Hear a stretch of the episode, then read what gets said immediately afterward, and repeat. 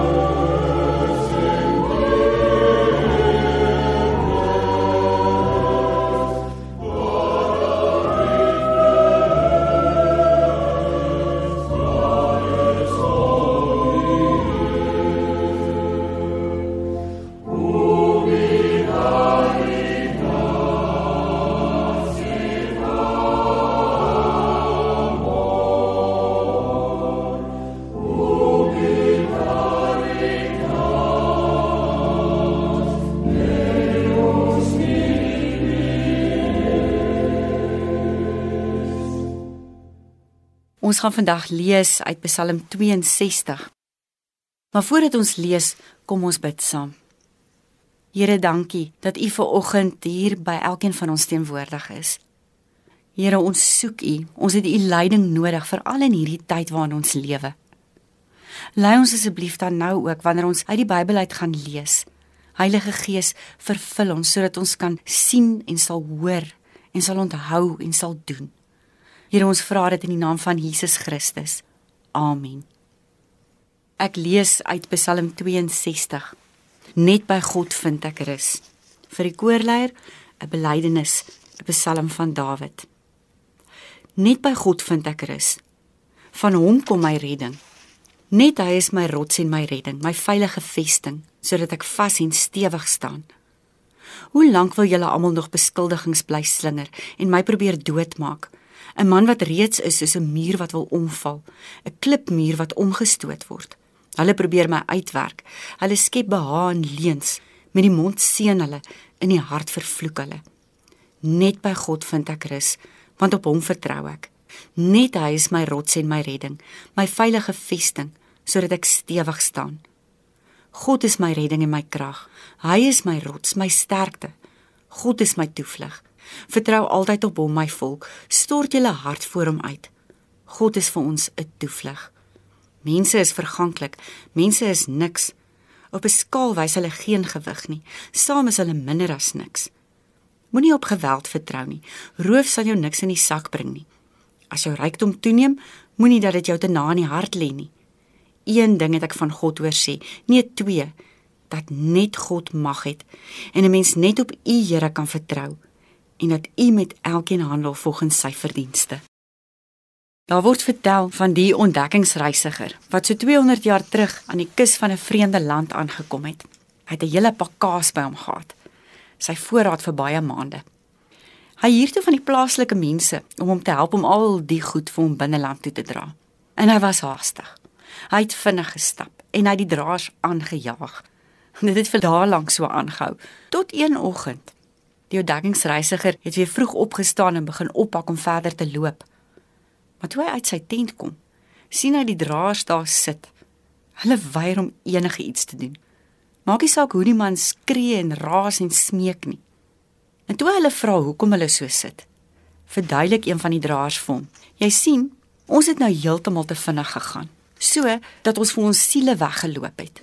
Ons moet nou eers rus sodat ons siele ons eers kan inhaal." Nou dit klink bekend. Ons gaan baie keer so vinnig dat dit voel nou moet jy stop. Dat jy eers weer vir jou siel wil kans gee om jou in te haal. En 'n mens moet rus om net 'n oomblik te ontspan, te kan asemhaal in 'n gejaagde samelewing. Dis belangrik om 'n slag tot jou sinne te kom. Veral in die omstandighede waar ons nou is. Daar's soveel dinge wat mens jaag. Bekommernisse wat die asem uit jou uitpers. Byvoorbeeld die onstabiliteit in ons land. Ons land is kort-kort aan die brand. En mense sukkel om kop bo water te hou. Mense wat maar aanhou planne maak net om te kan oorleef. Mense het COVID-uitbranding. En dit is so aansteeklik soos die siekte self. Voor COVID in 2019 al het die Wêreldgesondheidsorganisasie uitbranding geïdentifiseer as 'n groot probleem. Volgens hulle was uitbranding 'n uitvloeisel van kroniese werkspanning wat nie goed bestuur word nie. Byvoorbeeld wanneer mense nooit afskakel nie, want hulle kan hul werk elektronies oral saam met hulle neem. En volgens die Wêreldgesondheidsorganisasie simptome van uitbranding en dinge soos uitputting, dat jy niks energie het nie. Jy voel afgestomp en negatief en sinies en jy sukkel om eenvoudige take te verrig. COVID-uitbranding is wanneer mense moeg en afgemat raak omdat hulle huise hul kantore en skole geword het. Naderhand kan jou huis soos 'n tronk voel. En dan is daar die onsekerheid. Jy kan nie beplan nie, jy het nie beheer nie. Jy weet nie hoe môre gaan lyk nie. En dan nog die media wat uiteenlopende dinge sê en ons kompulsie om alles oor COVID in die media te volg. Eintlik wil 'n mens net vlug. Jy droom van 'n vakansie elders op 'n eiland, jy alleen met net die stilte rondom jou. Nou Psalm 62 praat oor stilte en rus. Maar dis 'n ander soort stilte. 'n Ander soort rus as 'n eilandvakansie. Dawid stop nie om vir sy siel te wag om hom in te haal nie sy siel hoef nêrens heen te hardloop nie, want In die ou Afrikaanse vertaling sê hy: "My siel is stil tot God." In Engels staan daar: "For God alone my soul waits in silence." Dis is stil wees en 'n rus by God wat hy nêrens anders kan kry nie. Ook nie by homself nie. Dawid is so seker van hierdie rus wat jy by God kry dat hy dit soos 'n refrein korkot sê, net by God vind ek rus. Net hy is my rots en my redding. Net by God vind ek rus. Net hy is my rots en my redding. Dis die soort rus waarna 'n mens ten diepste smag. Maar is dit moontlik op hierdie aarde? 'n Mens sou dink dis net vir eendag in die hemel. Maar dis nou juis. God gee die rus vir jou as 'n geskenk in die middel van jou worsteling met die lewe. In die middel van die chaos en die rumoer van ons wêreld. Kom ons kyk. Dawid sê dat hy net by God rus vind. Dat God sy veilige vesting is wat hom vas en stewig laat staan. Dit klink mooi. Ons almal wil dit hê. Maar wat daarna kom in vers 4 is 'n uitroep van angs. Hoe lank wil julle nog beskuldigings teen my slinger? In die ou vertaling staan daar: Hoe lank sal julle nog aanstorm op 'n man? Dawid is in doodsangs. Die Bybelkundige sê Dawid het 10:1 die Psalm geskryf toe hy vir Saul of vir Absalom gevlug het. Hy was besig om te vlug. Nou in Numeri het God vir Israel as stielstede laat bou waar mense veilig kon skuil as dinge verkeerd geloop het. Al was dit net vir 'n rukkie. En dis wat Dawid nou soek. Want hy voel soos 'n muur wat wil omval. Hy voel wondbaar en swak. Dinge het te veel geword. Hy weet nie watter kant toe nie. Sy aanvallers kom nie eers van voor af nie, hulle kom van agter af. Hulle wil hom met die grond gelyk maak. Hulle is aggressief. Hulle sal nie rus totdat hulle alles rondom hulle vernietig het nie. Dawid kyk om hom en hy sien 'n wêreld wat selfsugtig, vernielsugtig en vals is. Maar terwyl Dawid van die verskrikking waarna hy is vertel, bely hy weer: Net by God vind ek rus. Dawid weet, mens kan nie donker dinge in jou lewe wegwens of ignoreer nie. Daar's tye wat mens voel jy kan nie meer aangaan nie. Maar in sulke tye, in die middel van die chaos, in die middel van die storm sê hy, val hy nie uitmekaar nie want sy siel kan stil word by God. Hy sê God is my veilige hawe, my asielstad. My aanvallers is verkeerd. Hulle het nie met God rekening gehou nie, want ek sal nie omval nie. Selfs al voel ek bang, selfs al hou die geraas rondom my nie op nie.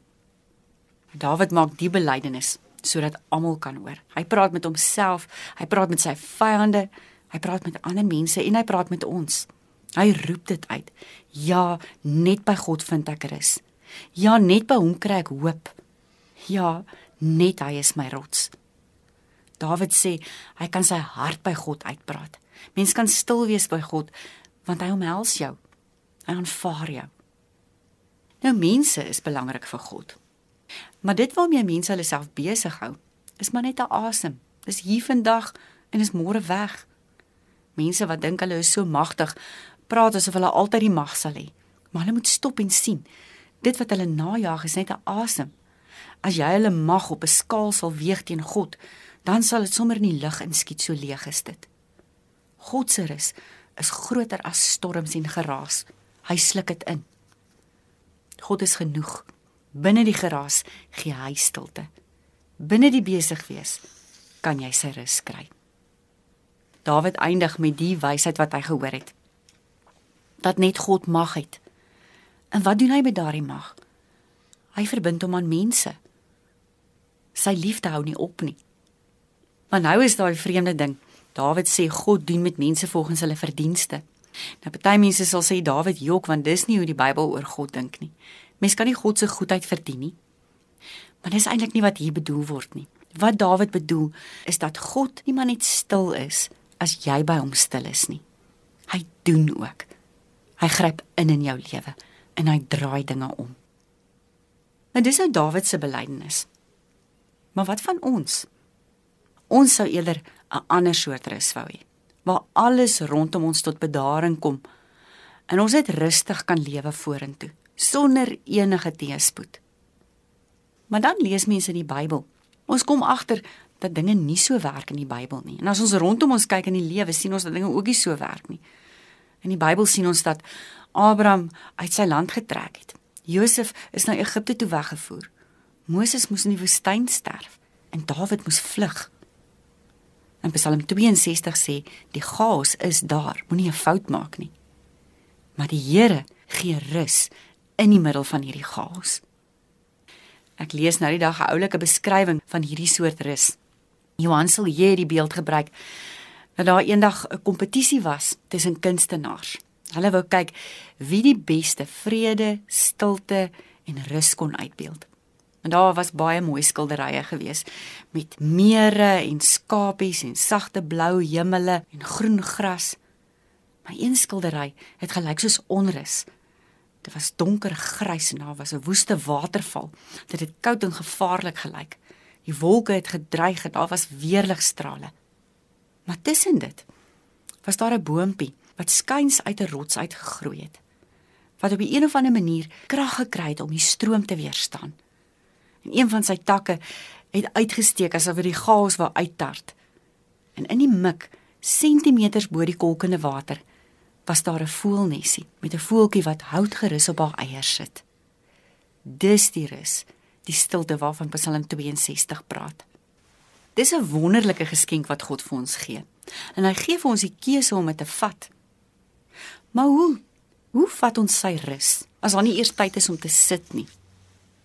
Ek het 'n vriend wat sê dat hy probeer elke dag om 'n halfuur vakansie te vat. dit is mos nou hoe dit moet wees. Maar dis nie so maklik nie. Almal weet hoe dit gaan. En om in God te rus is om geduldig by hom te wag. Maar ons wag soos 'n kat wat sy prooi bekruip. Elke spiertjie gespanne saamgetrek net reg om te bespring. Net reg om op te spring. Wel dis goed om te dink ek kan rus by God, maar as ek dit nie doen nie, dan help dit nie. Ek dink nogal daar's maniere waar mens doelbewus kan oefen om soos Psalm 62 by God en in God en met God stil te raak. Een ding wat 'n mens kan doen, is om elke dag net vir 'n rukkie iets af te sit. Iets wat baie hard werk. Dalk die rekenaar of die foon of die televisie of die wasmasjien, enige iets. En wanneer 'n mens dit afsit, blaas op daardie oomblik jou asem uit en onthou om vir 'n oomblik by God te rus. 'n Ander praktiese ding wat mens kan doen, is om ten minste eenmal 'n week moeite te doen met 'n ete. Nooi iemand om saam met jou te eet. Dit kan jy en jou gesin wees. Gaan koop bestanddele, dis wat vir jou die lekkerste is. Skakel jou selfoon af, sit blomme op die tafel en bid saam om dankie te sê. En rus dan saam in God se geselskap. Party mense doen alledaagse dinge wat hulle kan herinner om te stop. Dit kan wees dat jy dalk voordat jy die oggend jou rekenaar aansit, dat jy net eers stop en vir jouself sê net by God vind ek rus. Of as die foon lui, stop net eers, haal diep asem en sê net van hom kom my redding. Dis dinge wat 'n mens deur die dag kan dra met die wete dat God vir jou rus gee. Elke Sondag is opstanningsdag, wat ons Jesus se opstanding vier. Dis 'n dag wat God vir ons gee waar ons saam met hom kan terugstaan en sien dat hy alles goed gemaak het en dit kan waardeer. As 'n mens hierdie dag gebruik om tot stilstand te kom, kan dit ons help om die geskenk van lewe wat God gee beter te geniet. Dan kan ons saam met hom rus en saam met hom sê, dit is goed. Het jy al gehoor van 'n Sabbat stap? Dis nogal iets wat mens kan doen om Sondag te laat oorloop in jou chaotiese weekdag. Ons weet dat 'n mens elke oomblik van die dag moet laat tel. Tyd is tog geld.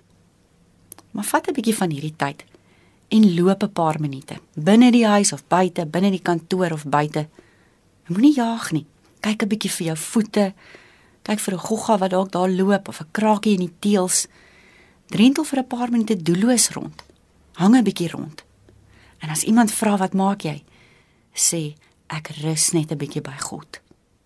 In Markus 6 vers 31 het Jesus vir sy disippels gesê: "Kom julle alleen saam na 'n stil plek toe en rus 'n bietjie." Dit is wat Jesus vir ons ook sê. Kom, kom rus 'n bietjie. Amen. Kom ons bid saam. Here, net by U vind ons rus. Ons vra dat U vir ons elke dag aan hierdie rus wat U as 'n geskenk vir ons gee, sal herinner. Help ons om in hierdie tye wat ons maar bekommerd is oor ons land en oor siekte en die ekonomie wat sleg is en al die dinge wat vir ons so bekommerd maak. Here dat U vir ons in hierdie tyd elke dag sal herinner dat ons op U kan vertrou. Here dat U vir ons sal help om beheer aan U oor te gee en om rustig te wees. Dankie Here dat U verandering bring. Dat U die een is wat dinge omdraai. Ons bid vir hierdie week wat voorlê. Here dat ons sal weet dat U elke tree saam met ons en ons land stap. Amen. In tye van onsekerheid is dit altyd vir my 'n troos om die geloofsbelijdenis te sê. En wanneer ons dit so op 'n Sondag doen, dan weet ons ons doen dit saam met miljoene Christene die wêreld deur. Kom ons sê die geloofsbelijdenis. Ek glo in God die Vader, die almagtige skepper van die hemel en die aarde. En in Jesus Christus, sy enige gebore seun ons Here, wat ontvang is van die Heilige Gees, gebore is uit die maagd Maria wat gelei het onder Pontius Pilatus, gekruisig is, gesterf het en begrawe is en ter helle neergedaal het, wat op die derde dag weer opgestaan het uit die dood, wat opgevaar het na die hemel en sit aan die regterhand van God, die almagtige Vader, van waar hy sal kom om te oordeel die wat nog lewe en die wat reeds gesterf het. Ek glo in die Heilige Gees. Ek glo in 'n heilige algemene Christelike kerk, die gemeenskap van die heiliges die vergifnis van sondes, die opstanding van die vlees en 'n ewige lewe. Amen.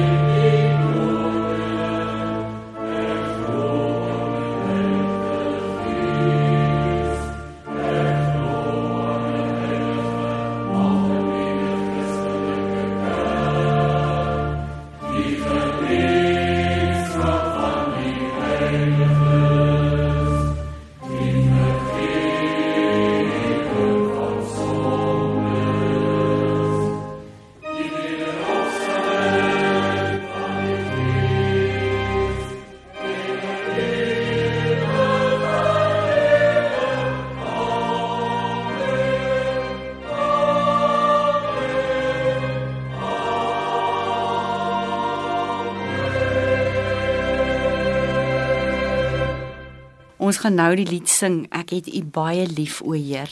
Dit kom uit Psalm 18 uit en dit sê dat Here U is my rots.